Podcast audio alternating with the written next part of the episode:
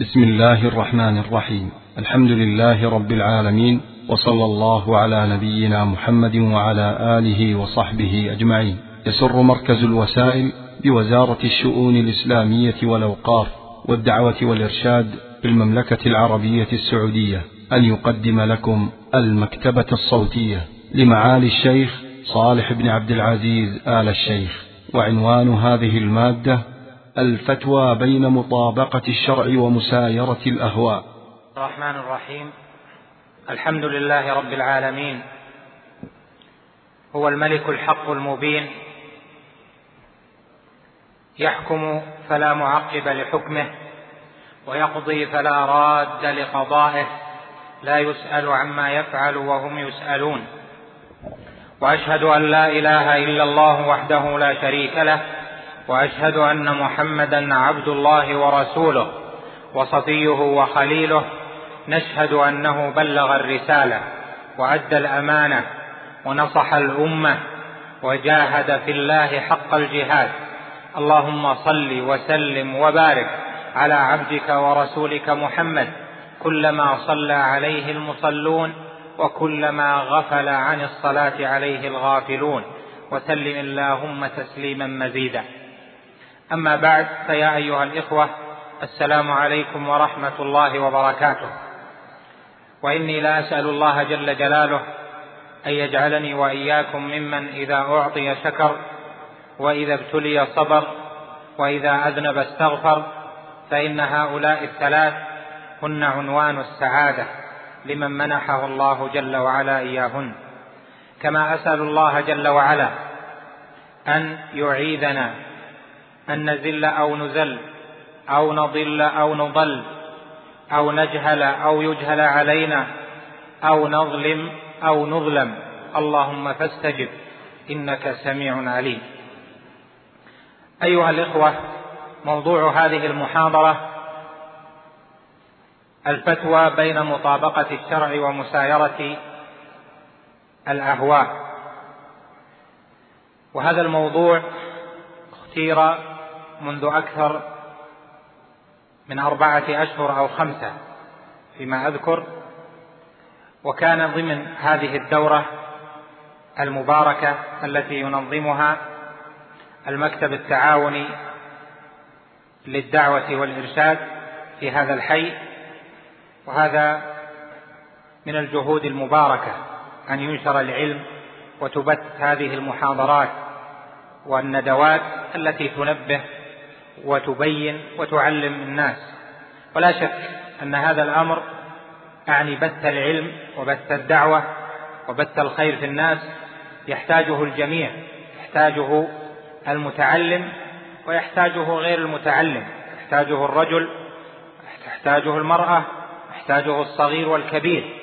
بل حتى العالم والداعية يحتاج إلى ذلك لما فيه من تثبيته على الحق.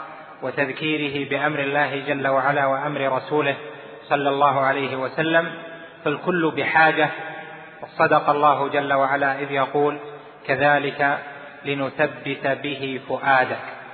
فتلاوه كتاب الله وبيان معانيه وحديث النبي صلى الله عليه وسلم وبيان شرحه وبيان كلام أهل العلم فيه تثبيت للفؤاد إذا أخذ بحقه فالكل ينتفع الملقي والملقى عليه والمعلم والمتعلم وإذا خلصت النيات ضاعف الله جل وعلا الأجور. يرفع الله الذين آمنوا منكم والذين أوتوا العلم درجات.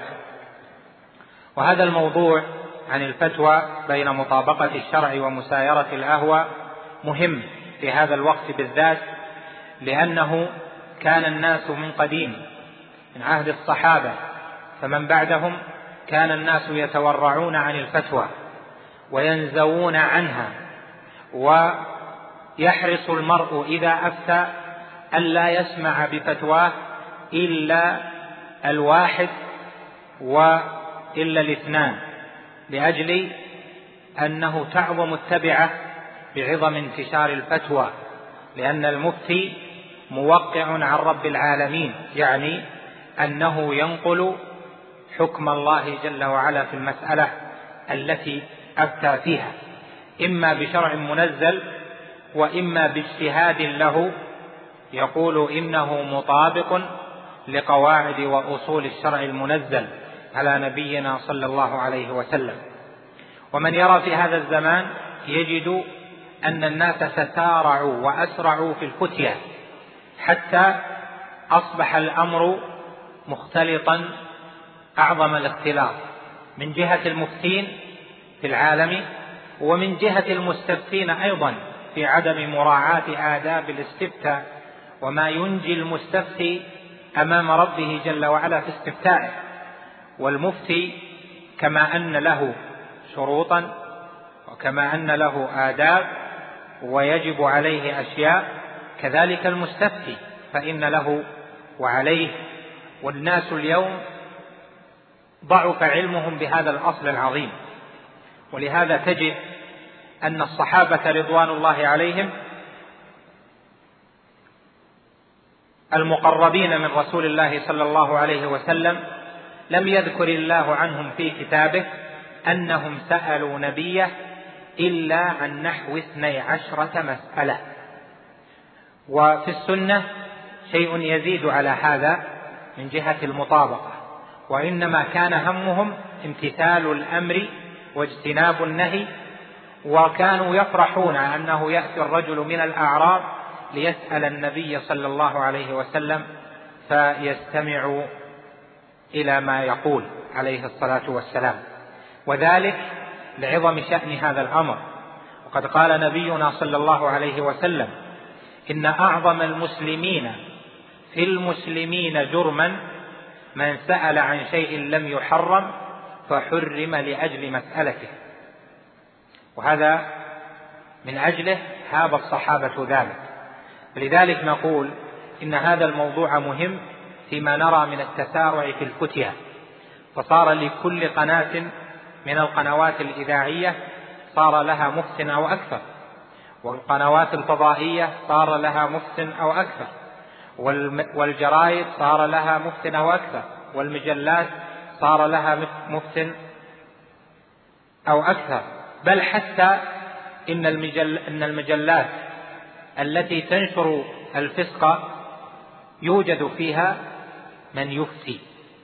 وهذا يبين أن الأمر جد خطير إذا ضل الناس إذا ضل الناس على هذا إذا ضل الناس على هذا فإنه سيأتي قوم يتسارعون أكثر وأكثر فحينئذ يحل الحرام ويحرم الحلال والعياذ بالله.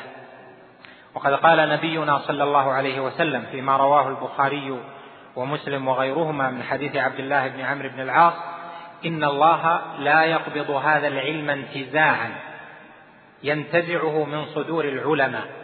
ولكن يقبض العلم بموت العلماء. حتى إذا لم يبق عالم اتخذ الناس رؤوسا جهالا. فسئلوا فأفتوا بغير علم فضلوا وأضلوا. وهذا يعني أنه يجب على طلبة العلم بخاصة وعلى العلماء أيضا أن يبينوا للناس خطر الفتوى.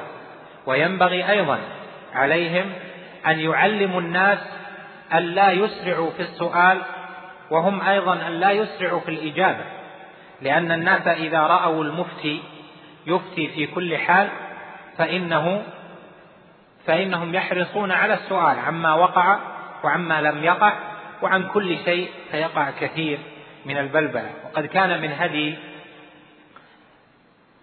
سماحة الجد الشيخ محمد بن إبراهيم رحمه الله تعالى أنه كان لا يفتي وهو واقف ولا يفتي وهو في السيارة وإنما إذا أراد أن يفتي تربع واستحضر واجتمع قواه فطلب من السائل أن يلقي عليه المسألة فأفتى. وكان المشايخ في الإفتاء يقولون عنه إنه ربما أخر الفتوى شهرا إذا كان لها صلة بأمر عظيم حتى ينظر فيها ويستخيف.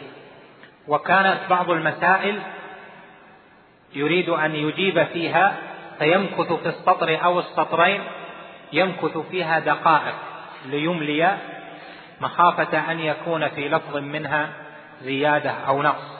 وهذا على نهج السلف الصالح في هذا الأصل من من التورع والتثبت في الفتيا لما لها من الآثار. الفتوى بين مطابقة الشرع ومسايرة الأهوى ما هي الفتوى وما هو الشرع وما هي الأهوى المرادة هنا؟ أما الفتوى فإن مدارها في اللغة وفي مصطلح أهل الأصول على أن الفتوى تعود إلى إبانة الأمر وإيضاحه. أفتى المرء أفتى فلان فلانا يعني أبان له وأوضح الطريق أو المسألة أو ما أشكل عليه سواء أكان ما أشكل عليه لغويا أو كان شرعيا.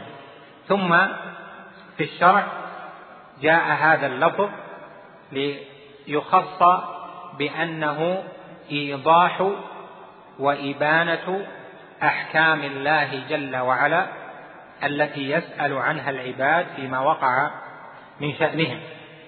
ولهذا قال ابن فارس مثلا في مقاييس اللغة قال إن يقال فتوى وفتيا وفت فتوى وفتيا وفتوى أيضا ويقال أفتى الفقيه في المسألة إذا بين حكمها. واستفتيت إذا سألت عن الحكم قال الله جل وعلا يستفتونك قل الله يفتيكم في الكلالة. وأفتاه في الأمر يعني أبانه وأوضحه. أما الشرع فإن المراد بالشرع بالشرع هنا هو الشرع المنزل أو ما يؤول إلى الشرع المنزل. والشرع المنزل هو الشريعة التي أنزلها الله جل وعلا على محمد صلى الله عليه وسلم. قال سبحانه لكل جعلنا منكم شرعة ومنهاجا. وهذه الشريعة هي التي شرعها الله جل وعلا وبلغها رسوله صلى الله عليه وسلم. فإذا كان الحكم منصوصا عليه في الكتاب أو في السنة فيقال هذا شرع منزل. وسيأتي تفصيل ما يترتب على هذه الكلمة. وأما ما اجتهد فيه العلماء من مسائل فإن اجتهاد العلماء يعود إلى الشرع المنزل فيما لم يأت دليل به. يعني إذا كانت المسألة التي اجتهدوا فيها لم يأت دليل ينص عليها فإن اجتهاد العالم في المسألة مطلوب. لقوله تعالى ولو ردوه إلى الرسول وإلى أولي الأمر منهم يعني العلماء لأن الرسول هو ولي الأمر. الأكبر والعالم هو ولي الأمر في مسألة العلم. قال لعلمه الذين يستنبطونه منهم ولولا فضل الله عليكم ورحمته لاتبعتم الشيطان إلا قليلا.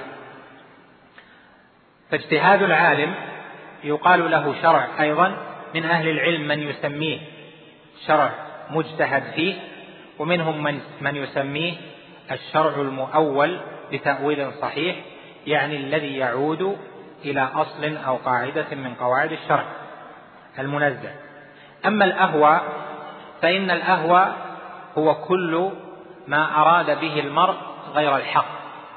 كل ما أراد به المرء ما ينصر به نفسه أو ما يحتال به على الشريعة أو ما يشتهيه هو ويريده في أمر الدين أو في أمر الدنيا. والأهواء كثيرة متعددة ولذلك جمعت هنا والشرع واحد فالشرع يجب أن تطابقه الفتوى. وأما الأهوى فإنها كثيرة لكل قوم ولكل فئة هوى.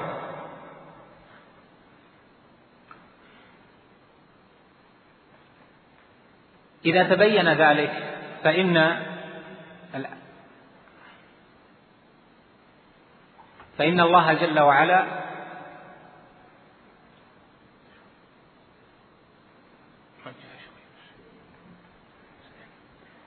فإن الله جل وعلا نص في كتابه على كثير من أصول الافتاء والاستفتاء والحكم والتحاكم. قال جل وعلا في آخر سورة التوبة وما كان المؤمنون لينفروا كافة فلولا نفر من كل فرقة منهم طائفة ليتفقهوا في الدين ولينذروا قومهم إذا رجعوا إليهم لعلهم يحذرون. قال ابن حزم رحمه الله على هذه الآية في كتابه الإحكام في أصول الأحكام بين جل وعلا في هذه الآية وجه التفقه كله وأنه ينقسم قسمين أحدهما يخص المرء في نفسه وذلك مبين في قوله تعالى ولينذروا قومهم إذا رجعوا إليهم فهذا معناه تعليم أهل العلم لمن جهل حكم لمن جهل الحكم بما يلزمه. والثاني تفقه من أراد وجه الله تعالى بأن يكون منذرا لقومه وطبقته. قال تعالى فاسألوا أهل الذكر إن كنتم لا تعلمون ففرض على كل أحد طلب ما يلزمه على حسب ما يقدر عليه من الاجتهاد لنفسه في تعرف ما ألزمه الله إياه.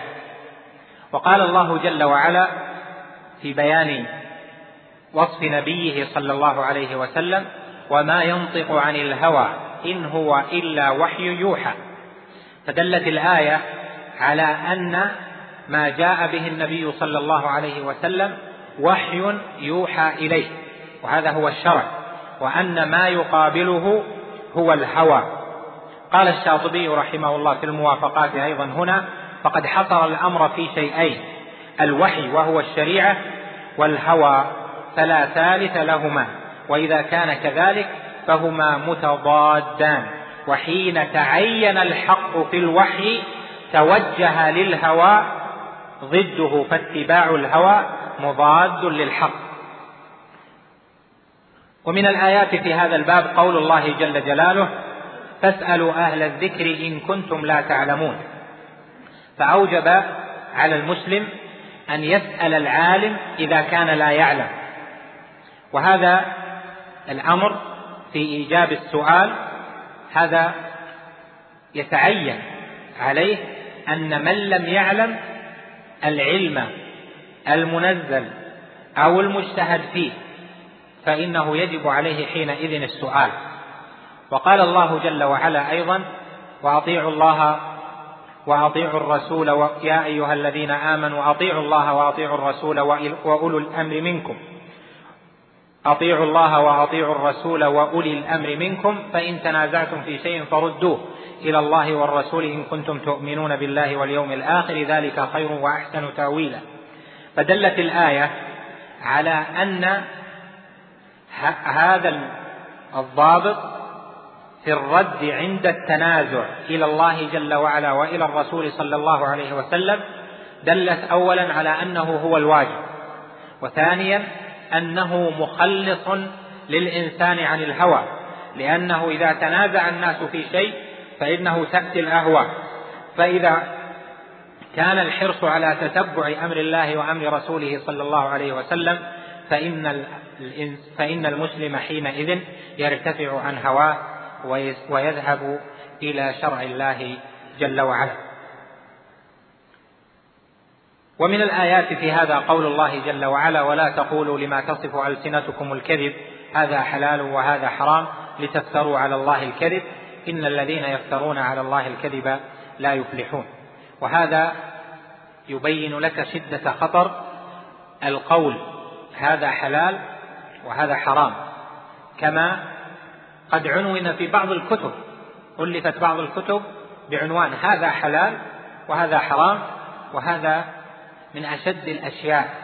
أن يقال لأجل أن المرء لا يجزم بموافقة حكم الله جل وعلا في المسائل الاختلافية أو في المسائل المجتهد فيها. ولهذا نقول إن فعل السلف في هذه المسائل هو الورع وهو الدين في أنهم لا يقولون هذا حلال إلا لما اتضح دليله وأنه حلال بدليل من أدلة الشرع. ولا يقولون هذا حرام إلا إذا اتضح دليله وكثير منهم يعبر بتعبير أكرهه لا أحبه أو يقول لا يجوز هذا من يفعل هذا ونحو ذلك وذلك بعد منهم وخلوص من استعمال لفظ الحلال ولفظ الحرام. لهذا قال الفقهاء رحمهم الله تعالى فيما بعد في تخريج كلام الآئمة ككلام الإمام الشافعي والإمام أحمد ونحوهما قالوا إنهم يريدون كراهة التحريم لأن هذا ليس مكروها بمعنى أنه يثاب تاركه ولا يعاقب فاعله لكنه يدخل في قواعد الشرع في أنه في تلك المسألة أنه يعاقب فاعله لكنهم لم ينصوا على التحريم تورعا وخوفا من الله جل وعلا. وهذا من الأدب الرفيع بل من امتثال الآية والخوف من الكذب على الله جل وعلا. وقد قال الله سبحانه أيضا بعد صدر الآية آه الله أذن لكم أم على الله تفترون؟ وما ظن الذين يفترون على الله الكذب يوم القيامة. قال أحد العلماء في تفسير هذه الآية كفى بهذه الآية زاجرة زجرا بليغا عن التجوز فيما يسأل من الأحكام وكفى بها باعثة على وجوب الاحتياط في الأحكام وألا يقول أحد في شيء هذا جائز أو غير جائز إلا بعد إتقان وإيقان. ومن لم يوقن فليتق الله. ومن لم يوقن فليتق الله وليصمت وإلا فهو مفتر على الله عز وجل. وهذا من شديد الوعيد. آه الله أذن لكم أم على الله تفترون؟ وهذا يوجب الخوف من الدخول في الفتيا في كل ما يسأل عنه الناس. وهناك غير هذه من الآيات ومن الأحاديث ما ذكرنا لك من قول النبي صلى الله عليه وسلم إن الله لا يقبض هذا العلم انتزاعا ينتزعه من صدور العلماء. الحديث وفيه أيضا ما رواه الإمام أحمد في المسند وأبو داود في السنن وابن ماجه أيضا في السنن والدارمي وغيرهم من حديث أبي هريرة رضي الله عنه أنه صلى الله عليه وسلم قال من أفتي بغير علم كان إثمه على من أفتاه. من أفتي بغير علم كان إثمه على من أفتاه. نسأل الله العافية والسلام. ولقد أحسن الشعبي رحمه الله حين أجاب تلميذه داود فقال داود سألت الشعبي كيف تصنعون إذا سئلتم؟ والشعبي ومن كبار التابعين وممن أدرك جل الصحابة. فيقول كيف تصنعون إذا سئلتم؟ فقال له وهو يربي تلميذه قال له على الخبير وقعت كان إذا سئل الرجل قال لصاحبه أفتهم فلا يزال حتى يرجع الأمر إلى الأول. وكان عدد من الصحابة يجلسون في المسجد فيأتي السائل فيسأل الأول فيقول له اسأل فلانا فيذهب إلى الصحابي الثاني. حتى يذهب إلى سبعة أو إلى أكثر ثم يعود إلى الأول. كل واحد يحيل إلى أخيه. واليوم أصبحت الفتوى مسخرة أن هذا يفتي والهاتف لا يسكت ويتكلم بغير بغير إيقان ولا إتقان. وربما أفتى وهو يأكل وربما أفتى وهو ينظر إلى شيء أو وهو يكتب. وهذا أمر في الحقيقة يخشى على المرء فيه. أن يعاقبه الله جل وعلا بذهاب نور الإيمان في صدره. قال عبد الرحمن بن أبي ليلى رحمه الله تعالى لقد أدركت في هذا المسجد عشرين ومائة من الأنصار وما منهم أحد يحدث بحديث إلا ود أن أخاه كفاه الحديث ولا يسأل عن فتيا إلا ود أن أخاه كفاه الفتيا. وتلك كانت سنة السلف رحمهم الله تعالى في هذه الأصول العظيمة.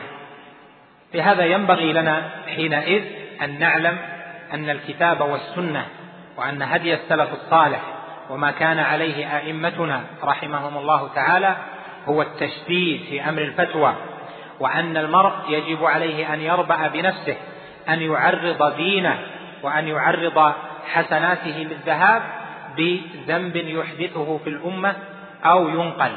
وكثير اليوم ما نسمع بأنه يقول السائل أنا سألت فلان فأجابني بكذا وسألت الشيخ فلان فأجابني بكذا.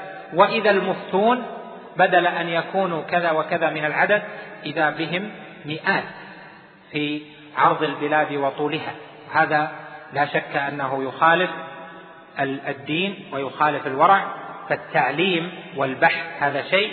وأما الفتوى فإن المرء لا يسوغ له أن يفتي في كل ما يسأل. أما إذا تعينت عليه الفتوى فهذا له بحث يأتي في موضعه إن شاء الله تعالى. هناك فروق مهمة ينبغي إيضاحها وهذا الموضوع ينبغي أن يكون علميا ولغته لغة علمية لأنه ليس للترغيب ولا للترهيب فقط ولكنه علم فيه الترغيب والترهيب في هذا الأمر الجلل الخطر. من الفروق المهمة في هذا الأمر الفرق بين الفتوى والقضاء. الفتوى باب والقضاء باب آخر. الفرق بينهما أن القضاء يكون بين متخاصمين في إلزام أحدهما بالحق له أو لصاحبه. والذي يحكم بينهما هو القاضي الذي نصبه ولي الأمر ليقضي بين الناس فيما اختلفوا فيه وتشاجروا عليه. أما المفتي فإنه لا يلزم. المفتي يخبر بالحكم دون إلزام ويترك العمل بالفتوى أو عدم العمل بالفتوى لما يكون من ورع المستفتي وتقواه. فلا يبحث المفتي عن حال المستفتي هل التزم أو لم يلتزم. أما القاضي فإنه يلزم بتنفيذ الحكم بما فوضه إليه ولي الأمر. لهذا قال العلماء القاضي لا يصح له أن يفتي في المسائل التي يقضي فيها. يعني أن القاضي لا يصح أن يفتي في مسائل البيوع لا يصح أن يفتي في مسائل النكاح لا يصح أن يفتي في مسائل الشركات لا يصح أن يفتي في مسائل القتل لا يصح أن يفتي في مسائل الأعراض لماذا؟ لأن الناس إذا علموا فتوى القاضي في هذه المسائل فإنهم يؤولون أمورهم عند الرفع إليه وعند التنازع بما يوافق فتواه ولهذا نص ابن قدامة في المغني في كتاب القضاء على أن القاضي لا يفتي لكن يفتي في أمور العبادات فيما بين المرء وبين ربه جل وعلا. نعم. أما في المسائل التي يكون فيها خصومة فإنه لا يفتي. كما أن المفتي لا يفتي في المسائل التي فيها خصومة. وأنتم تسمعون المشايخ في إذا عرضت مسألة فيها خصومة يقول واحد أنا اختلفت أنا وأخي في كذا أو اختلفت أنا ووالدي في كذا أو حصل بيننا وكذا فيقول هذه الخصومة مردها إلى القضاء فيحيل ذلك إلى الحاكم الشرعي أو إلى القاضي الشرعي. أما أما المفتي فإنما يتكلم في المسائل التي لا تتعدى المستفتي إلى غيره ممن له عليه أو معه خصومة. فإذا تعدت فإن المسألة هنا حينئذ لا تكون باب إفتاء بل تكون بابا آخر. وينبني على هذا تصرفات المفتي والقاضي. لهذا بحث العلماء في مسألة مهمة في في تصرفات النبي صلى الله عليه وسلم. هل تصرفات النبي صلى الله عليه وسلم فيما جاءنا في السنن هل تبنى على أنه إمام المسلمين وولي الأمر؟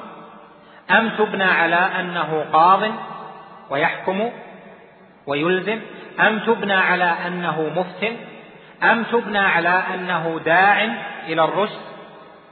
أم تبنى على أنه ينصح ويرغب؟ فهل تبنى على هذا أو على هذا؟ وقد حقق أهل العلم الراسخون في هذا الباب أن أفعاله عليه الصلاة والسلام وأحكامه في السنة تدور عليها هذه الأحوال. فتارة تارة يلزم أو يعمل باعتباره ولي الأمر الأعظم باعتباره الإمام الأعظم وتارة باعتباره مفتيا وتارة باعتباره قاضيا. لهذا يقول لعل بعضكم أن يكون ألحن بحجته من بعض فأقضي له على نحو ما أسمع فمن قضيت له من حق أخيه شيء فإنما هي قطعة من النار فليأخذ أو ليدع. هنا في منصبه عليه الصلاة والسلام هنا في منصبه أو يعني في آه، عمل القاضي. وهو نبي يوحى إليه لكن الله جل وعلا يبين لأمة محمد صلى الله عليه وسلم أن المقام هنا ليس هو مقام إيضاح للنبي صلى الله عليه وسلم. من المصيب؟ من المخطئ؟ من الذي معه الحق في الباطن وإنما باعتبار الظاهر ليكون هذا سنة لأمته وليعمل به القضاة من بعده عليه الصلاة والسلام. وهذا مهم في تصرفاته عليه الصلاة والسلام وفي أفعاله. ماذا بماذا نحمل أفعاله؟ على أي باب؟ هل هو على أنه نبي يوحى إليه بالغيب أو على أنه إمام نبي أو على أنه مفتن أو قاض أو داع أو ناصح؟ يختلف باختلاف المقام. والصحابة فهموا ذلك. فلما جاءت المرأة وأمر النبي صلى الله عليه وسلم بها أن ترجع إلى زوجها فقالت آه حتم يا رسول الله؟ يعني تلزمني أن أرجع؟ قال لا. قالت فإني أكرهه أو كما جاء في الحديث. فهو عليه الصلاة والسلام تارة ينصح ولا يلزم وتارة يفتي وتارة يقضي إلى آخره. من الفروق المهمة في هذا الباب الفرق ما بين الاجتهاد المطلق والاجتهاد المذهبي النسبي والتقليد. أما الاجتهاد المطلق فهو أن يجتهد العالم في إدراك الأحكام الشرعية من الأدلة بعد معرفة الأدلة ومعرفة أصول الاستنباط واللغة. وهذا إنما هو لعدد قليل من الأئمة في الإسلام. والقسم الثاني المجتهد المذهبي يعني مجتهد في مذهب. يعرف مذهبا من المذاهب مذهب الحنبلي مذهب الشافعي إلى آخره ويجتهد في هذا المذهب فيختار في هذا المذهب ما هو موافق للدليل ما هو موافق لقواعد الشرع لكن لا يخرج في أصوله عن هذا المذهب والذي لا يعلمه هنا يبني فيه على المذهب. والثالث التقليد والتقليد هو قبول عرفه العلماء بأنه قبول قول الغير من غير حجة. والأول والثاني من العلماء المجتهد المطلق أو المجتهد المذهبي هؤلاء من العلماء. أما المقلد وهو الذي ينقل كلام أهل العلم بلا حجة ولا يعرف من أين أخذوا فقد قال ابن عبد البر رحمه الله تعالى أجمع العلماء على أن المقلد ليس بعالم يعني الذي يقلد في كل مسألة. ما, ما يعرف الأدلة ما يعرف الاستنباط ما يعرف الراجح من المرجوح في المذهب المعين. من أين أخذ علماء المذهب هذه المسألة؟ ما أصول المذهب؟ ما قواعده في ذلك؟ بمعنى أنه يقبل هكذا لأنه قول صاحب الكتاب الفلاني أو نص عليه في الروض أو في التنبيه للشيرازي أو قاله النووي في مجموع ونحو ذلك فهؤلاء مقلدة إذا نصوا على ذلك أما إذا اجتهد في مذهب من المذاهب هذا يقال له مجتهد نسبي. إذا كان كذلك فالمقلد ليس بعالم فليس للمقلد أن يفتي أما المجتهد المطلق فهذا بلا شك له حق أن يفتي لما معه. وأما المجتهد النسبي أو المذهبي فإنه يفتي ويجب عليه أن يتحرى الحق الموافق لمطابقة هذه الفتوى.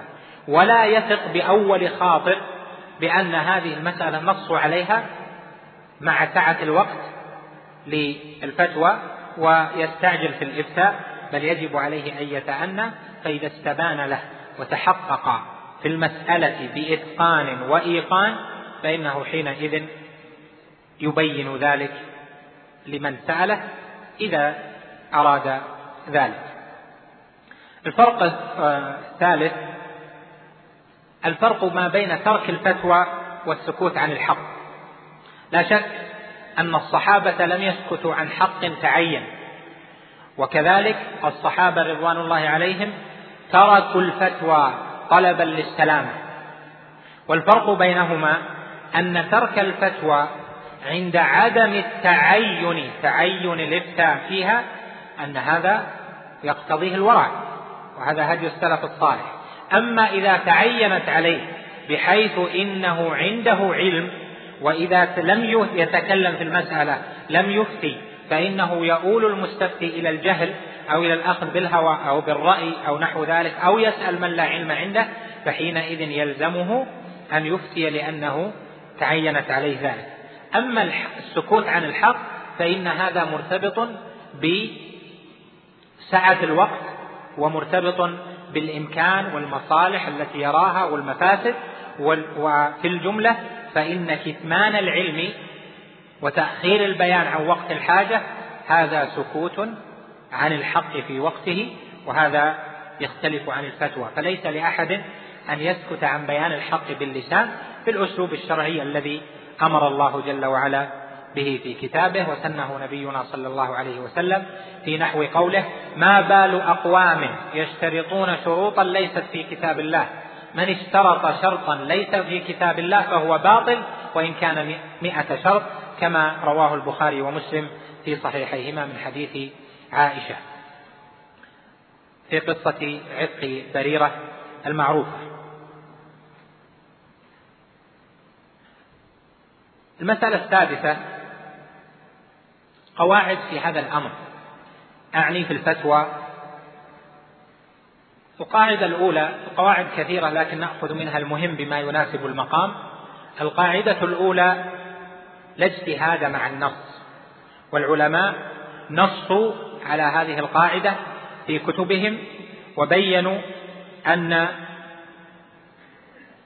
النص إذا ورد فإنه ليس للعالم أن يجتهد لأن الله جل وعلا قد حكم فيها وحكم فيها نبيه صلى الله عليه وسلم فإنه حينئذ لا قول لأحد بعد ورود قول الله جل وعلا أو قول رسوله.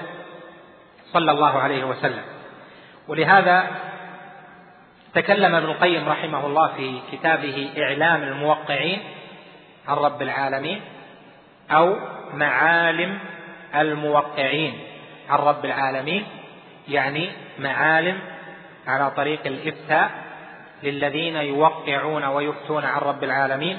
تكلم عنها آه، بكلام طويل في هذا الكتاب. ومن فروع هذه القاعدة أنه لا تجوز الفتوى على خلاف النص. وهنا نجد أن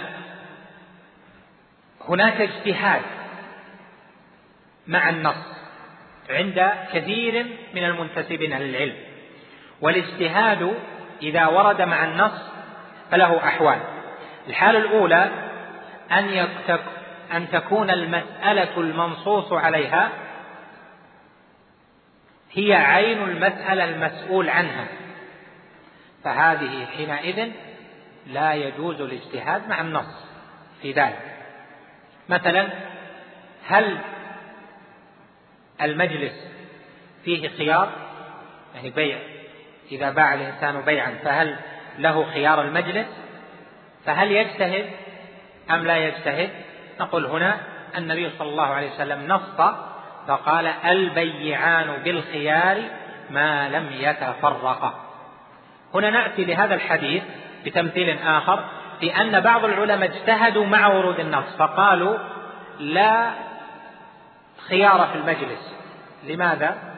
قالوا لأن قوله هنا ما لم يتفرقا ليس المقصود به التفرق في المجلس ولكن التفرق في القول بإمضاء المشتري شراءه وإمضاء البيع البائع بيعه.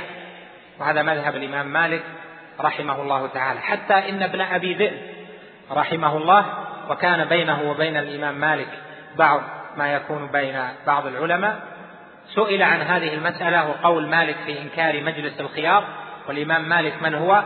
فقال يستتاب مالك فإن تاب وإلا قتل. وهو الإمام مالك رحمه الله تعالى. هو لا يريد بهذا إلا أن يشنع على الذين يخالفون النص لأن النص أعظم من شأن العالم. والعلماء عدوا هذه من من ابن أبي ذئب من عباراته التي لا تسلم له. المقصود هنا أن الاجتهاد مع النص إذا كانت المسألة عين المسؤول عنها موجودة في النص فلا يجوز الاجتهاد. أما إذا كان النص محتملا للاجتهاد فحينئذ يكون الاجتهاد ليس في المسألة ولكن الاجتهاد في فهم الدليل وهذا له بحث آخر. القاعدة الثانية لا إنكار في مسائل الاجتهاد. العلماء نصوا في قواعد هذا الباب على أن مسائل الاجتهاد لا إنكار فيها. وتشتبه هذه القاعدة بقاعدة أخرى وهي لا إنكار في مسائل الخلاف. وهنا تحتاج هذه إلى شيء من التفصيل. أما مسائل الاجتهاد فلا إنكار فيها. بمعنى أن المسألة لم يرد فيها دليل من الكتاب أو السنة. لم ينص فيها على شيء. ونزلت نازلة واجتهد العلماء فيها. فهنا لا ينكر على المجتهد في هذه المسألة. لا إنكار في مسائل الاجتهاد. أما مسائل الخلاف فمن أهل العلم من قال لا إنكار في مسائل الخلاف وهذا ليس بجيد. وقد بين شيخ الإسلام ابن تيمية وبين تلميذه العلامة ابن القيم رحمه الله أن هذا قول من لم يحقق.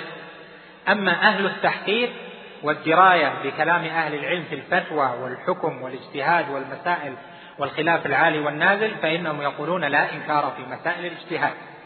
أما مسائل الخلاف فهي التي اختلف فيها العلماء والعلماء اختلفوا في مسائل كثيرة جدا المسائل المجمع عليها قليلة.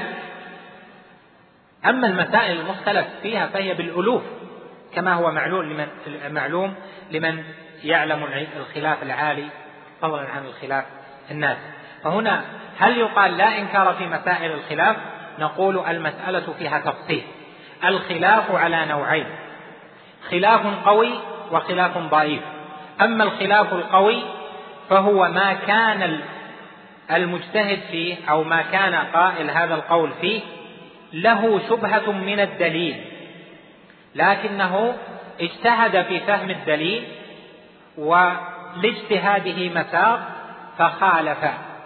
فهذا نقول فيه الخلاف قوي. مثلا زكاة الحلي. هل يجب زكاة الحلي أو ما تجب زكاة الحلي؟ واحد قال أنا ما أقول لأهلي يزكون الحلي لا يزكون. وآخر يقول لا لابد يزكون. الدليل فيها كذا. فهنا هذه مسألة الخلاف فيها قوي. فلذلك لا إنكار فيها. مسألة قراءة الفاتحة للمأموم وراء الإمام في الصلاة الجهرية. واحد يقرأ والآخر لا يقرأ. هل نقول لمن لم يقرأ أعد صلاتك وقراءة الفاتحة ركن على القول الآخر؟ نقول لا هذه من المسائل التي الخلاف فيها قوي ولهذا لا إنكار فيها وهكذا في مسائل كثيرة. النوع الثاني المسائل التي الخلاف فيها ضعيف. في خلاف ولكنه ضعيف. من مثل المعازف. استماع المعازف ولا تقل سماع. استماع المعازف يعني الانصات إليها واستماع المعازف. فهذا هناك من قال من التابعين وممن بعدهم قالوا بجواز ذلك وذهب إليه بعض المشهورين وابن حزم وجماعة وكتب بعض أهل العلم في نصرة هذا القول. لكن هذا القول وإن كان خلافيا لكنه خلاف في معارضة الدليل. والأدلة واضحة في تحريم هذا الأمر فحينئذ نقول الخلاف في هذه المسألة ليس قويا بل هو خلاف ضعيف ففيه إنكار. ومنه, ومنه كشف وجه المرأة السفور إذا كان يفضي إلى الفتنة. فإن العلماء أجمعوا إلا من شذ أن وجه المرأة إذا كان فيها جمال أو أنه يفضي إلى تعرض الناس لها أو تعرض الفسقه لها أو التلذذ بهذا النظر فإنه لا يجوز لها الكشف. هذا باتفاق أهل العلم. إلا من شذ فقال الأصل فيه أنه يجوز كشفه فنقول هنا هذه المسألة لا يقال فيها لا إنكار في مسائل الخلاف لأن الخلاف فيها ضعيف لأن كشف الوجه إذا كان سيفضي إلى شهوة أو إلى فتنة أو إلى تعرف عليها أو أو إلى من المفاسد فإنه حينئذ لا ينبغي أن يجعل الخلاف فيه آه، قويا أو أن الخلاف فيه معتبر بل يجب أن ينكر في مثل هذه المسائل لأنه يفضي إلى الفتنة. من القواعد أيضا المهمة في باب الفتوى أن الشريعة بقاعدة كلية أجمع عليها العلماء أن الشريعة جاءت بتحصيل المصالح وتكميلها ودرء المفاسد وتقليلها. الشريعة جاءت بتحصيل المصالح. كل مصلحة في دين الناس أو في دنياهم فإن الشريعة جاءت بها. وكل مفسدة في دين الناس أو في دنياهم فإن الشريعة جاءت بالنهي عنها.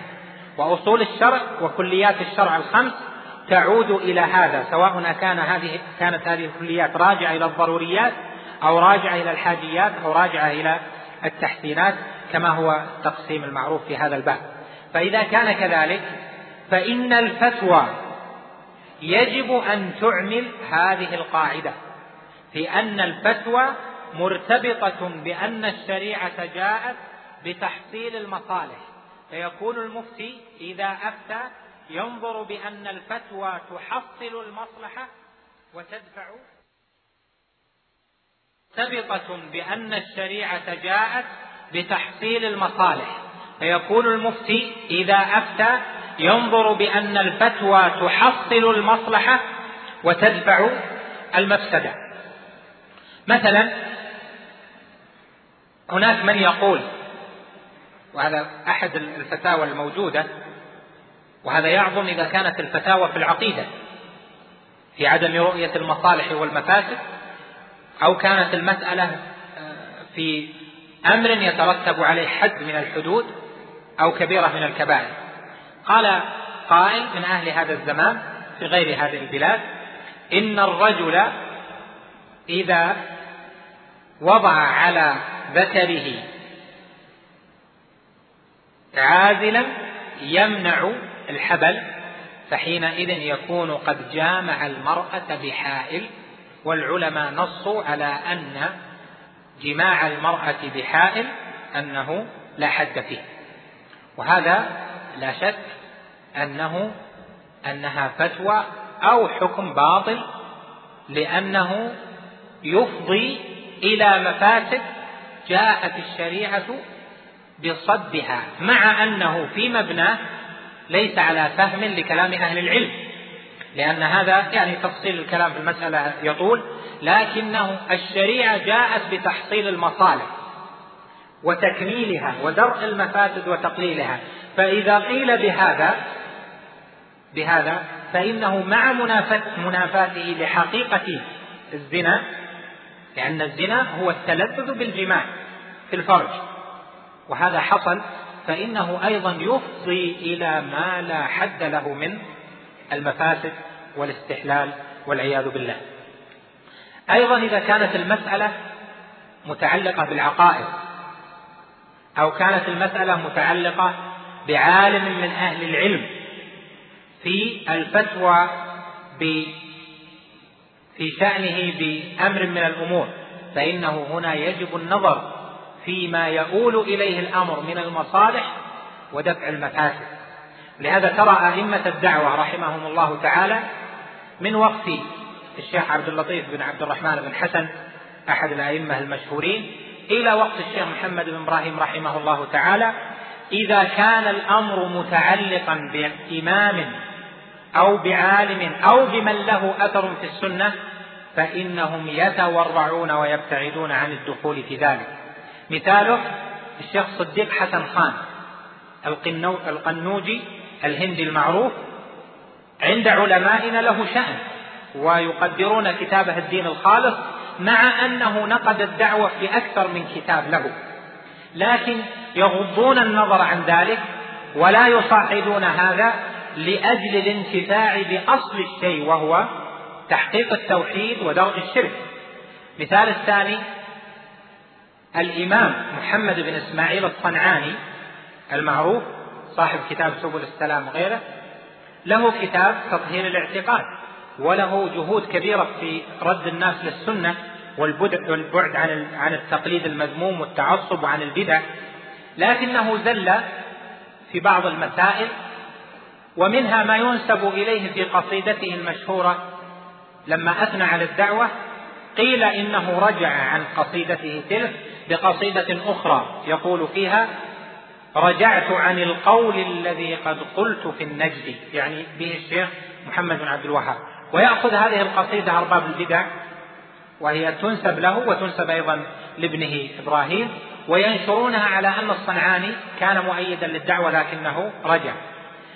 والشوكاني رحمه الله تعالى مقامه أيضا معروف. ومع ذلك كان علماؤنا الشوكاني له اجتهاد خاطئ التوسل وله اجتهاد خاطئ في الصفات وتفسيره فيه بعض الآيات فيها تأويل. وله كلام في عمر رضي الله عنه ليس بالجيد وله كلام في عمر بن الخطاب له كلام أيضا في معاوية رضي الله عنه ليس بالجيد. لكن العلماء لا يذكرون ذلك وألف الشيخ سليمان بن سحمان رحمه الله كتابه تبرئة الشيخين الإمامين. يعني بقى الإمام الصنعاني والإمام الشوكاني. من وهذا لماذا؟ لماذا فعلوا ذلك؟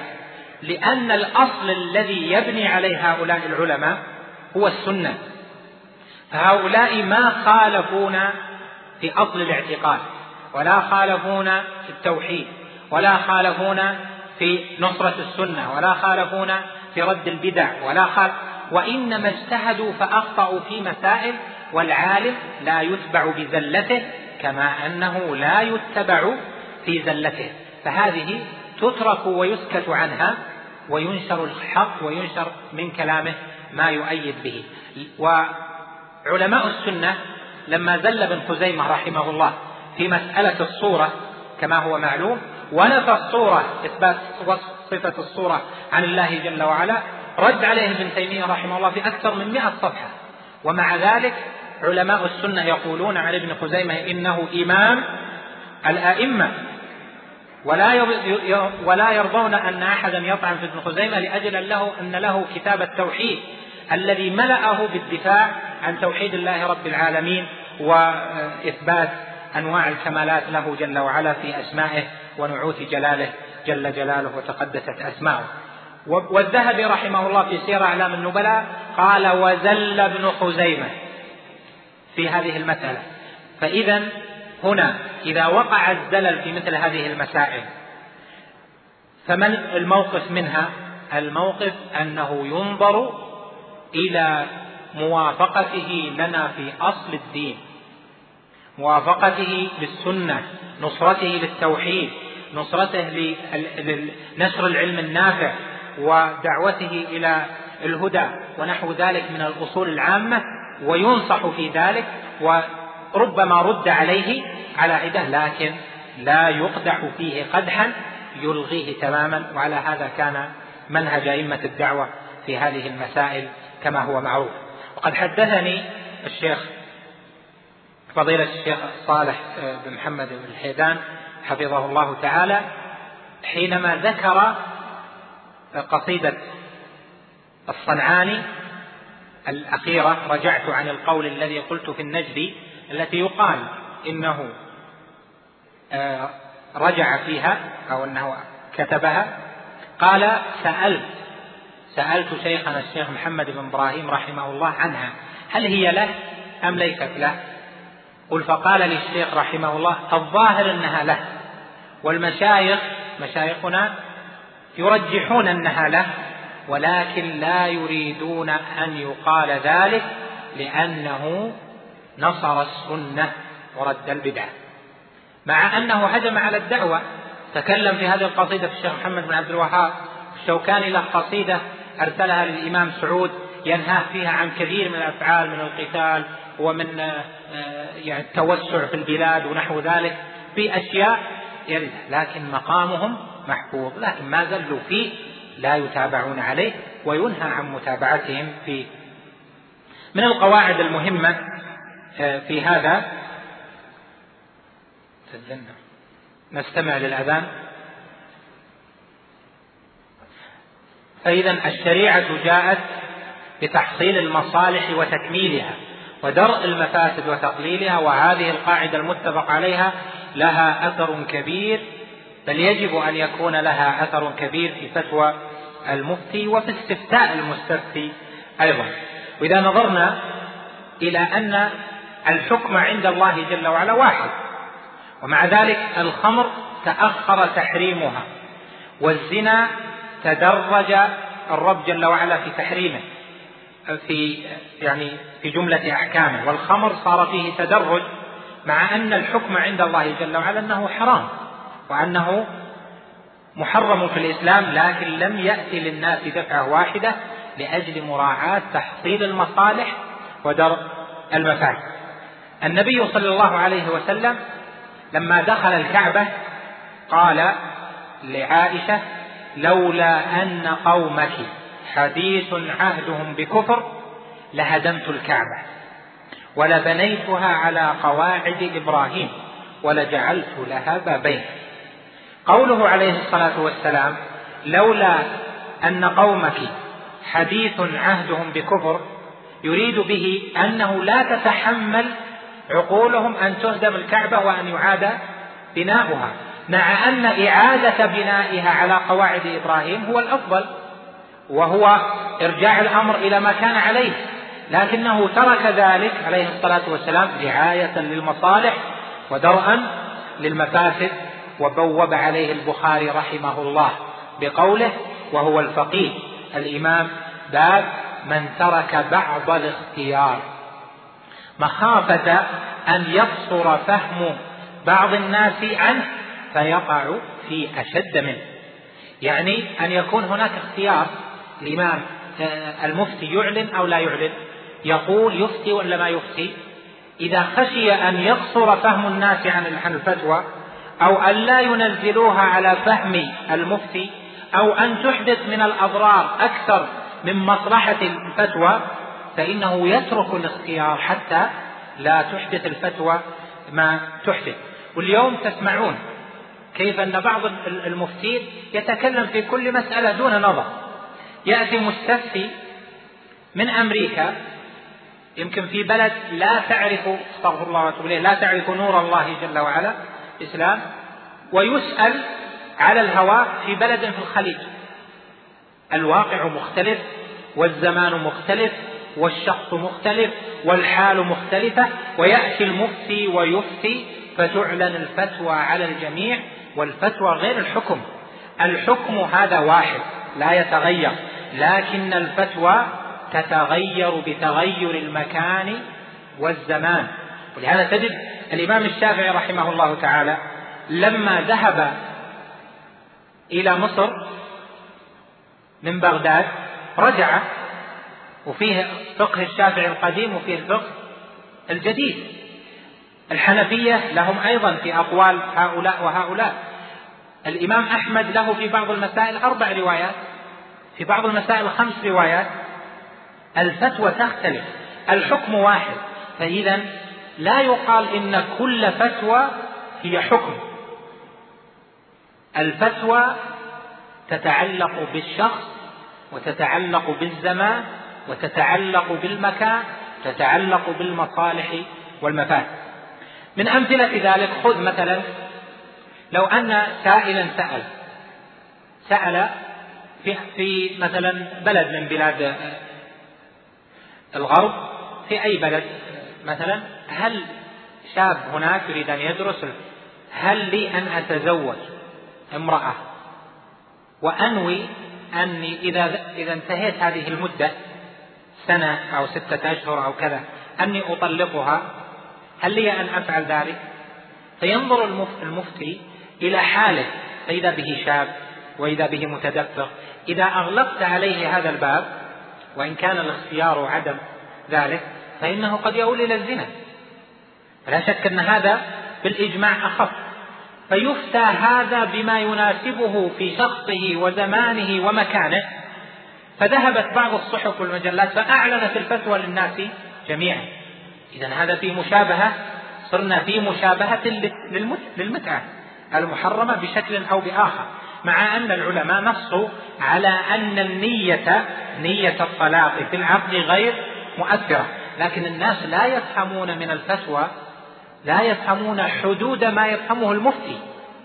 ولهذا يجب أن يرعى المفتي المصالح ويدرأ المفاسد في جميع الاعتبارات في ذلك. القاعدة الأخيرة ولا نريد أن نطيل في هذا الباب الشريعة يسر.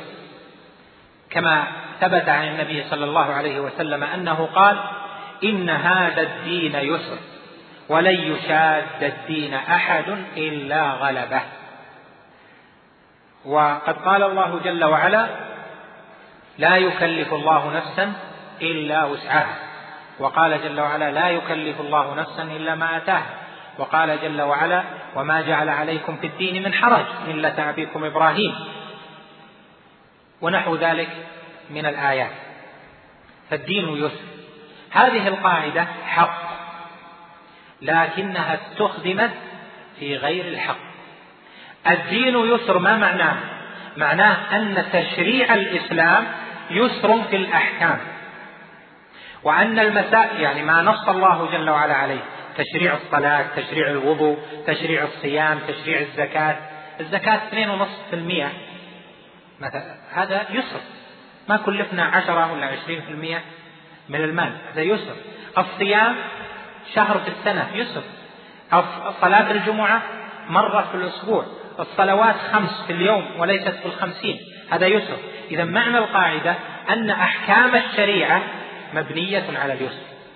هنا الأمر الثاني أن المجتهد في المسائل التي لا نص فيها إذا صار هناك وجهان للقول فإنه ينبغي له أن يختار أيسرهما. لأن النبي صلى الله عليه وسلم ما خير بين أمرين إلا اختار أيسرهما ما لم يكن إثما. أما إذا اتضحت المسألة فهنا ليس له الخيار.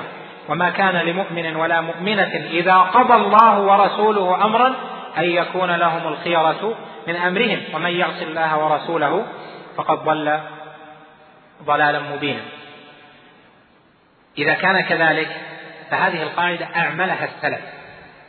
في شرح أحكام الإسلام وأعملها السلف في المسائل الاجتهادية. إذا نزلت نازلة نظروا هذه فيها تضييق على الناس وهذه فيها سعة اختاروا ما فيه السعة. ولأنه من القواعد التي آه، اختارها الشافعي رحمه الله تعالى ووافقه عليها جمع من أهل العلم أن الشريعة أن الأمر في الشريعة إذا ضاق اتسع وإذا اتسع ضاق. معنى ذلك أن المجتهد ييسر في الأمر. قد قال سفيان الثوري رحمه الله فيما آه، ذكره عنه النووي وجماعة قال ليس العلم بالتشديد.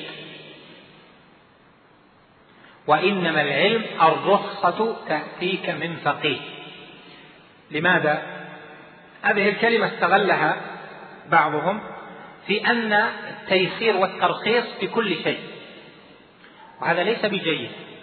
ليس بجيد. لماذا؟ لأن التشديد يحسنه كل أحد يعني إذا اشتبه على الواحد شيء لا اتركه ما يصلح. لا لا تأتي هذا. هذا يحسنه كل أحد والمرء قد يتورع في نفسه لكن فيما يفتي به الناس ينبغي أن ينظر إلى ما ينبغي شرعا. وأن لا يشدد على الناس في نفسه قد يختار الأشد تورعا أو بعدا إلى آخره. لكن فيما يفتي به الناس ييسر عليهم في المسائل الاجتهادية. قال وإنما العلم الرخصة تأتيك من فقيه. يعني لأن الفقيه يعلم كتاب الله جل وعلا ويعلم سنة رسوله صلى الله عليه وسلم يعلم كلام أهل العلم فيعلم أن هذه الرخصة لا تخالف الكتاب ولا تخالف السنة ولا تخالف ما أجمع عليه أهل العلم حينئذ التيسير فيه مدعاة. فإذا التيسير أصل من أصول الشريعة في تشريعات الشريعة كلها يسر والشريعة شملت أحكامها كل ما يحتاجه المكلف. فإذا هي يسر في نفسها. وإذا كان الأمر في اجتهاد فإن المفتي ينبغي له أن يختار اليسر. المسألة السابعة ما يلزم المفتي أن يتصف به؟ لا شك. إذا بينا هذه القواعد والأصول العامة صفة المفتي ما هي؟ ما الذي يجب على المفتي أو ينبغي له أن يتصف به؟ لم أجد أحسن من كلام ابن القيم رحمه الله تعالى في إعلام الموقعين عن رب العالمين. قال رحمه الله قال الإمام أحمد في رواية ابنه صالح عنه ينبغي للرجل هذا كلام إمام أهل السنة والجماعة الإمام أحمد ينبغي للرجل إذا حمل نفسه على الفتيا وانظر إلى تعبير الإمام حمل نفسه على الفتيا. يعني تجرأ وفعل وكان ينبغي له أن لا يحمل نفسه. إذا ينبغي للرجل إذا حمل نفسه على الفتيا أن يكون عالما بوجوه القرآن عالما بالأسانيد الصحيحة عالما بالسنن. وإنما جاء خلاف من خالف لقلة معرفتهم بما جاء عن النبي صلى الله عليه وسلم. وقلة معرفتهم بصحيحها من سقيمها. وقال الخطيب البغدادي رحمه الله تعالى في كتابه الفقيه والمتفقه وقد عقد أبوابا وفصولا في صفة المفتي والمستفتي والفتوى وهي فصول حسنة قال ما حاصله؟ أول أوصاف المفتي أن يكون بالغا هذا وصف عام. لأنه حكم تكليفي فيلزم فيه البلوغ. الثاني أن يكون عدلا ثقة. عدلا لا يأتي بما يؤخذ عليه في دينه في فسق أو كبيرة أو نحو ذلك. ثقة ثقة فيما ينقل عن في الدين. يتحرى لا يتجاسر. لم يجرب عليه كذب لم يجرب عليه افتئات لم يجرب عليه نسبة أشياء إلى غير من تنسب إليه.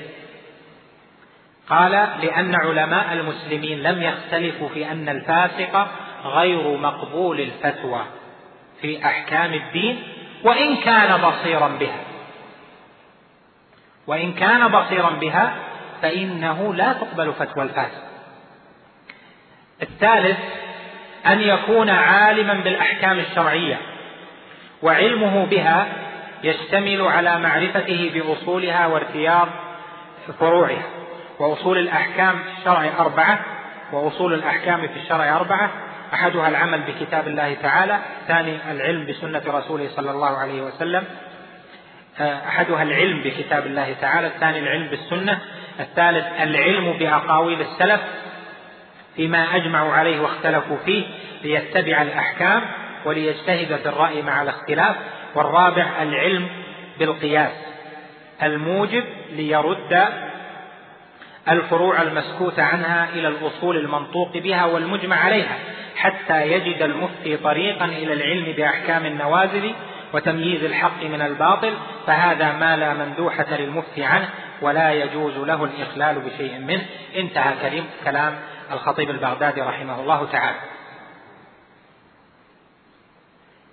الوصف الخامس أن يعلم المفتي أحوال الناس وأهواءهم وأغراضهم لأنه ربما توصل الناس بكلام المفتي إلى أغراضهم وأهوائهم. وهؤلاء الناس قد يكونون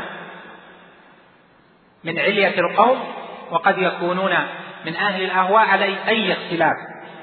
فالمفتي إذا لم يعلم الشأن فإنه قد تسمى له الأمور بغير اسمها وقد توصف له الأمور بغير وصفها. فحينئذ إذا علم الأهواء وعلم ذلك فيجب عليه حينئذ الحذر مما تحدثه فتواه في الناس مما قد يكون من المفاسد التي يجب أن يصد عنها أو أن يترفع عنها. رعاية للدين وحفاظا على الكلمة. وهذه الأهوى قد تكون في علاقة رجل بامرأته وقد تكون في علاقة رجل مع تركة يراد أن تقسم ويسأل فيها وقد تكون علاقة رجل بوصية في يده وقد تكون علاقة الرجل بوقف وقد تكون المرأة تسأل لشيء تصل به إلى غرض من أغراضها. وقد يكون الأمر أكبر من الوصول بالفتاوى إلى أشياء تغير في الأمة وتقلب في الأمة أشياء فحينئذ يجب الأمر أن يكون المفتي متثبتا متأنيا لا تصدر فتواه إلا بعد إيقان وإتقان ونظر في المصالح والمفاسد حتى لا تعود الفتوى على أصل الشريعة وقاعدة الشريعة بالإبطال وهي أن الشريعة جاءت بتحصيل المصالح ودرء المفاسد. المبحث الثاني ما يلزم المستفتي أن يتصف به. هذا المفتي في بعض الأشياء. لكن المستفتي ما حاله؟ المستفتي ينبغي له وبعض العلماء يقول يجب عليه أن يطلب الأعلم الأثقى لله ليسأله. مرة أنا في الحرم في مكة قابلني شخص من من الآفاق. قال أنا أريد التفتيك فقلت له تستفتيني يعني لماذا اخترتني أنا؟ يعني ليش؟ قلت أبى أستفتي فلان. قال يا أخي باين يعني المسألة هذه يجب عليك وأخبرته يعني. فالناس حينئذ ينظرون إلى وجه أهل الخير مثلا أو من ظاهره خير والله أعلم بسريرته وينظرون له ويقولون هذا طالب علم هذا شيخ. بل قد رأينا في مجتمعاتنا اليوم ومجتمعات القريبة منا أن كل من ظاهره الالتزام يسمى شيخا. الشيخ فلان والشيخ فلان والشيخ فلان. كلمة شيخ لم تكن تطلق إلا على العالم المتبحر الشيخ فلان. والآن زادوا فضيلة الشيخ. شيء يعني في زيادة وتبذل في الألفاظ. مما يجب حماية الشريعة فيه. لأنك إذا سمى واحد فلان من فضيلة الشيخ معناه أنه أهل. لا شك. فيجب أن نتأنى في الألفاظ وأن نصف الناس بما ينزلون به. أنزلوا الناس منازلهم. هذا حكم النبي صلى الله عليه وسلم. فلا يثق المرء المستفتي بظاهر المرء بل يبحث عن العالم الأعلم الأثقى لله. لأنه سيفتيه بما يجب عليه عند ربه جل وعلا. فإن قصر في البحث أو في التحري فإنه يأثم لأنه ما تحرى الصواب في ذلك. آه، الصفة الثانية أن لا يخفي شيئا من الحقيقة عن المفتي. لأن المفتي يفتي على نحو ما يسمع. فإذا أخفى بعض الحقيقة فإنه لا ينجي هذا. فيجب عليه أن يذكر كل الحقيقة حتى تكون الفتوى مطابقة للاستفتاء.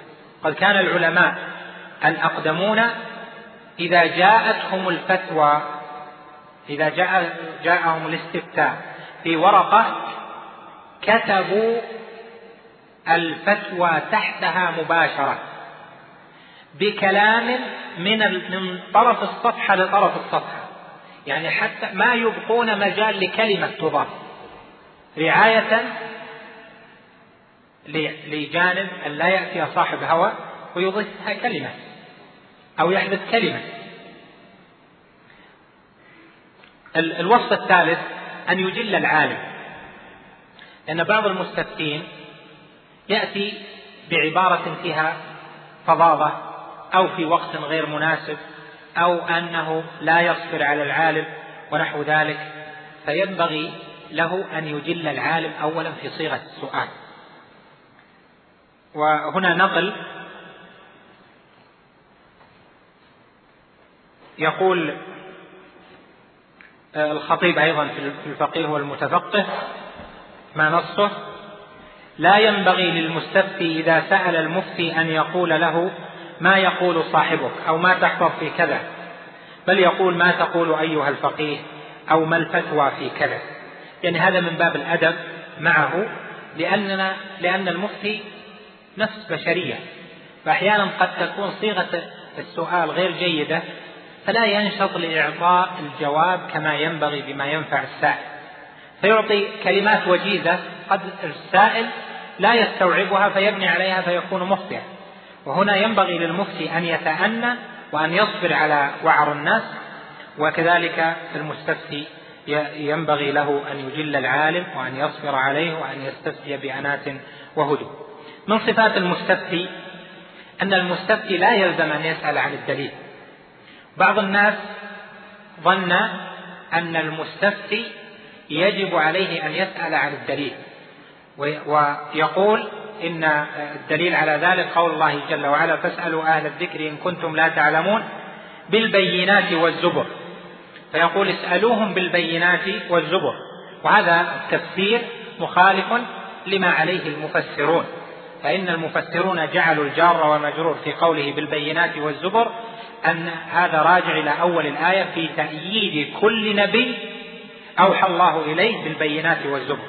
أما السؤال فإنما يلزم أن يسأل فإذا أجابه المفتي العالم بجواب يلزمه أن يأخذ به آه، بدون أن يسأله عن الدليل. وإذا نظرنا في المدونة للإمام مالك بن أنس المدونة السحنون أسئلة المالك وأجوبة. رجل كذا تجد أن أكثرها بل جلها بلا دليل.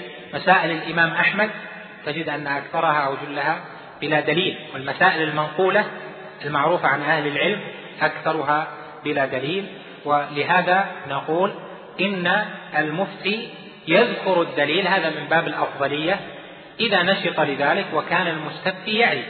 أما إذا كان المستفتي لا يعي فإنه لا يذكر له الدليل. الوصف الخامس أن لا يكون للمستفتي غرض أو هوى في استفتائه وإنما غرضه بيان الحق وزوال الجهل والشبهة ليلتزمه المستفتي ويبني عليه. هذه مسألة عظيمة في الناس فإن الناس يستفتون عن أشياء لهم غرض فيها. بل قد قيل إن الرجل أو إن السائل الواحد يتصل بسبعة ثمانية عند أرقام المشايخ يتصل بهذا وهذا وهذا وهذا في نفس المسألة. وإذا أحرجت بالسؤال قال أنا سألت فلان فقال لي كذا. أولا أشغلت المشايخ والوقت قصير والواجبات كثيرة جدا جدا جدا أكثر من الأوقات. والآن الواحد يستغفر الله جل وعلا عن ضعف الوقت لأداء الواجب. فضلا عن أن يجد لما الثاني أنه الذي ينبغي لك أن تجتهد في البحث عن الأعلم والأفقه الأعلم الأفقه الأثقل لله تسأله ويلزمك أن تأخذ الفتوى. أما أن تسأل سبعة ثمانية هذا لا ينبغي في ذلك. ولهذا أقول ينبغي لمن يجيبون على الأسئلة في الإفتاء يعني في في الاستفتاءات من كانوا أن يأخذوا الحيطة والحذر. فكثير من المستفتين يسجل الكلام. وربما يكون المفتي أو يكون المجيب على السؤال ربما يكون في حال لا يحب أن يجاب عليه أو ربما يكون ما تثبت من المسألة وظن أنها لن تتعدى هذا. وضعف ورعه أن يقول لا أدري أو أن فتسجل عليه كما سمعت من تسجيل عن بعض على بعض طلبة العلم. يرحمك الله. عن بعض طلبة العلم سجل له بكلام غلط بالاتفاق وغلط فيه وزل فيه. خالف فيه لكن هذا سجل سينقلها واسم مشهور فحينئذ يقع الزلة والزلة. ومن واجب المستفتي ولا يحل له أن يسجل كلام عالم دون إذنه لأن كلام العالم هذا ينبني في تسجيله ينبني عليه ما دونه خرط القتال. هذه تبعة للدين وللمستقبل. فكل من أراد أن يسجل فليخبر المفتي أو من سأله أنا أريد أن أسجل الفتوى. فإن أذن وإلا فلا يجوز له أن يخدعه لأن المفتي ينظر إلى أن هذا الجواب لواحد لكن إذا سجل صار لمئات. وأنا اختبرت بعض الناس في ذلك فكان الأكثرون يقولون نعم عندنا تسجيل وخاصة في الأزمة التي مرت أزمة الخليج وما تبعها فكان أكثر من يتصل يكون مع التسجيل. أسأله مع التسجيل يقول نعم. ليش ما أخبرت وهل المصلحة في ضرب الأمة بعضها ببعض وتكثير الأقوال تكثير الفتاوى؟ لا. المصلحة في الائتلاف والاجتماع والفرقة هي نصيب الشيطان من هذه الأمة. حقيقة المسائل كثيرة ومتعددة. من المسائل هذا المسألة التاسعة مراتب الفتوى. مراتب الفتوى نقول فيها مباحث. الفتوى تارة تكون صريحة وتارة تكون تلميحا. فما كان صريحا هذا لا إشكال فيه. وما كان فيه تلميح أو فيه كناية فإنه يلزم فيه الاستيضاح والسؤال. ومن حيث الصحة وعدمها الفتوى يقال عنها صحيحة إذا وافقت الدليل أو وافقت قواعد الشرع يترتب عليها تحقيق المصالح ودرء المفاسد ويقال لها فاسدة أو باطلة إذا كانت مصادمة لنص من الكتاب أو من السنة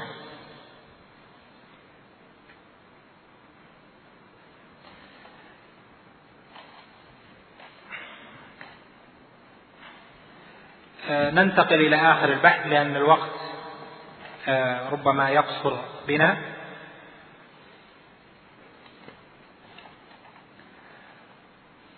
طرق في آخر بحث لنا في طرق مسايرة الهوى. طرق مسايرة الفتوى للهوى. يعني ما هي الطرق التي يخشى منها ليكون الهوى مؤثرا على الفتوى؟ أولها تتبع الرخص واستدامة ذلك فإن تتبع الرخص من العالم والرغبة في أن يرخص ويرخص ويرخص بأي قول يجده هذا شاع في آه، فتوى بعض الناس في هذا الزمن هذا ليس بطريق أنه يبحث عن الرخصة كيفما كانت ويفتي بها آه، الذي ينبغي بل الذي يجب عليه أن يتحرى الحق وأن يفتي بما يرى أنه الصواب في هذه المسألة. قال الشاطبي رحمه الله في الموافقات ما نصه فإذا اعتاد الترخص صارت كل عزيمة في يده كالشاقة منها وهذا ظاهر وقد وقع هذا المتوقع في أصول كلية وفي فروع جزئية كمسألة الأخذ بالهوى في اختلاف أقوال العلماء ومسألة إطلاق القول بالجواز عند اختلافهم بالمنع والجواز. وقال أيضا تتبع الرخص ميل مع أهواء النفوس والشرع جاء بالنهي عن اتباع الهوى. الطريق الثاني إعمال الحيل المذمومة. فتجد أنه يجد حيلة للتخلص من الحكم الشرعي. والحيل ذم الله جل وعلا عليها اليهود. ولعنهم بذلك لأنهم استحلوا محارم الله بأدنى الحيل. وضابط الحيل المذمومة ما قاله الشوكاني في السيل الجرار قال كل حيلة تنصب لإسقاط ما أوجبه الله أو تحليل ما حرمه الله فهي باطلة. لا يحل لمسلم أن يفعلها ولا يجوز تقرير فاعلها عليها ويجب الإنكار عليها أما إذا كانت الحيلة لا تنصب لإسقاط حكم شرعي فإن بعض العلماء رخص في الحيل وسماها سمى بعضهم بعض الحيل حيلا شرعية نسبها للشرع ولا يصح أن تسمى حيلا حينئذ بل يقال رخص في أنه يسلك طريقا للخروج من الإثم للخروج من الإثم والإلزام بوجه من أوجه الشرع. هذا لا يسمى حيلة بل أخذ بطريق من الطرق. لكن الحيل المذمومة كما ذكرنا هي ما نصب من الحيل لإسقاط واجب أو تحليل محرم. يذهب يحتال على الربا بالعينة. يقول له أنا أبيعك هالقماش أو أكياس هالرز. بعها. أنا بعتك إياها الكيس ب 120 واشتريتها منك الكيس ب 100 عطني فيروح يعطيه 100 و120 مؤجلة. بعتك 120 بعد سنة. خلاص حط يدك عليها. حط يده عليها استلمتها. قال استلمتها. ثاني قال بشتريها منك الكيس ب 100 خلاص شريتها 100 حال يروح يعطيك. الأكياس لها مدة طويلة مثل ما هو معلوم. هذا احتيال. بيع العينة والعينة محرمة لأنها احتيال على الربا. وقال الشاطبي آه، رحمه الله في الموافقات إن اتباع الهوى في الأحكام الشرعية مظنة لأن يحتال بها على أغراضه فتصير كالآلة المعدة لاغتناص أغراضه ويكون كالمراء يتخذ الأعمال الصالحة سلما لما في لما في أيدي الناس وبيان هذا ظاهر. السبب الثالث من أسباب اتباع الهوى في الفتوى حب استدامة الرئاسة والإمارة وهذا أمر خطير لأنه ما أحد يعلم الشرع ويعرف أن الشرع يوافق أهواء الناس. الشرع لا يوافق أهواء الناس. الشرع حكم على الناس. تارة يكون الشرع فيما يختاره الناس وتارة يكون فيما يضاد الناس في أفعاله. فإذا كان هذا ال... الذي يفتي يريد استدامة الرياسة ورضا الناس عنه ومحبتهم له وتوجيه وجوه الناس إليه فإنه يقول لهم ما يرضيهم يقول للناس ما يرضيهم يخشى أن ينصرفوا عنه. نزيد بالمناسبة أو يقول في المحاضرة ما يرضيهم ولا يبين لهم في حكم الله جل وعلا وبيان الحق الواضح فحينئذ يقع في نعم ليس كل حق يعلم يلزم بيانه في كل زمان ومكان. لكن يجب على المرء ألا ينطق بباطل وألا ينسب للشريعة ما ليس منها. لهذا نقول ما قال ابن حزم في ذلك قال إن الذي ينحرف في الفتوى ويتبع هواه إن يعني يفتي بما يتفق له مستديما لرياسة أو لكسب مال وهذا واضح يفتي بما اتفق ما يحرف المسألة. كذا الرجال ما يخالف سهل. اعمل ما تريد. هذا ليس به الرخصة تأتيك من فقيه هذا محمود يتحرى ويرخص له بالشرع.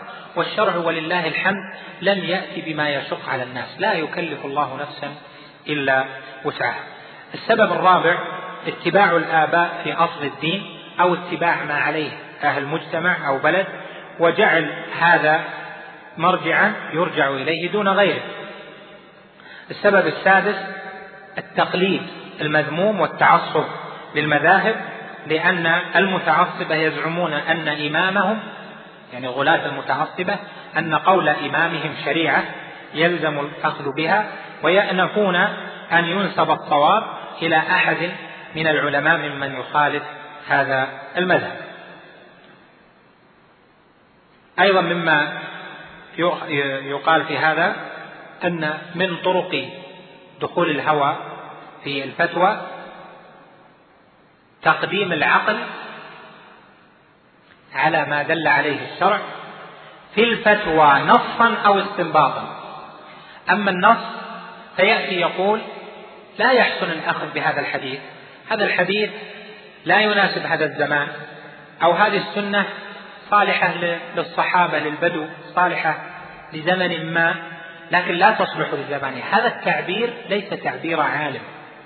ليس تعبير متحرر للحق في مثل هذا لكن قد يأتي العالم ويقول إن هذه هذه السنة مثلا أو الفتوى يعني هذا الدليل يترتب عليه مفسدة لو عمل به فإنه يؤخذ بالمصلحة في ذلك لأن المصلحة دلت عليها الشريعة في ذلك مثل ما قاله ابن تيمية في مسائل وقالها الإمام أحمد في مسائل ونحو ذلك.